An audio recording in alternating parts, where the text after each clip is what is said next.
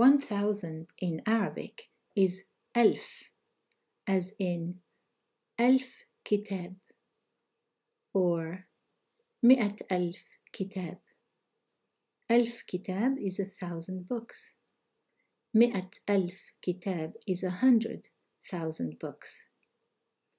And the word elf can end in a or u or i, in dhamma or fatha or kasra depending on where it is in the sentence.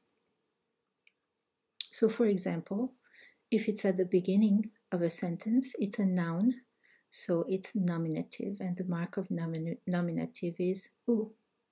ألف كتاب. Uh, if I say I read 1000 books, then it's the object of the verb to read. And I would say قرأت ألف كتاب. It ends in fatha, the short vowel A. And if I say I read this in a thousand books, it's a majrur. It ends in E because this is prepositional case.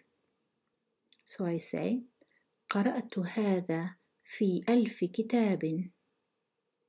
Check out my YouTube channel and my books on Amazon.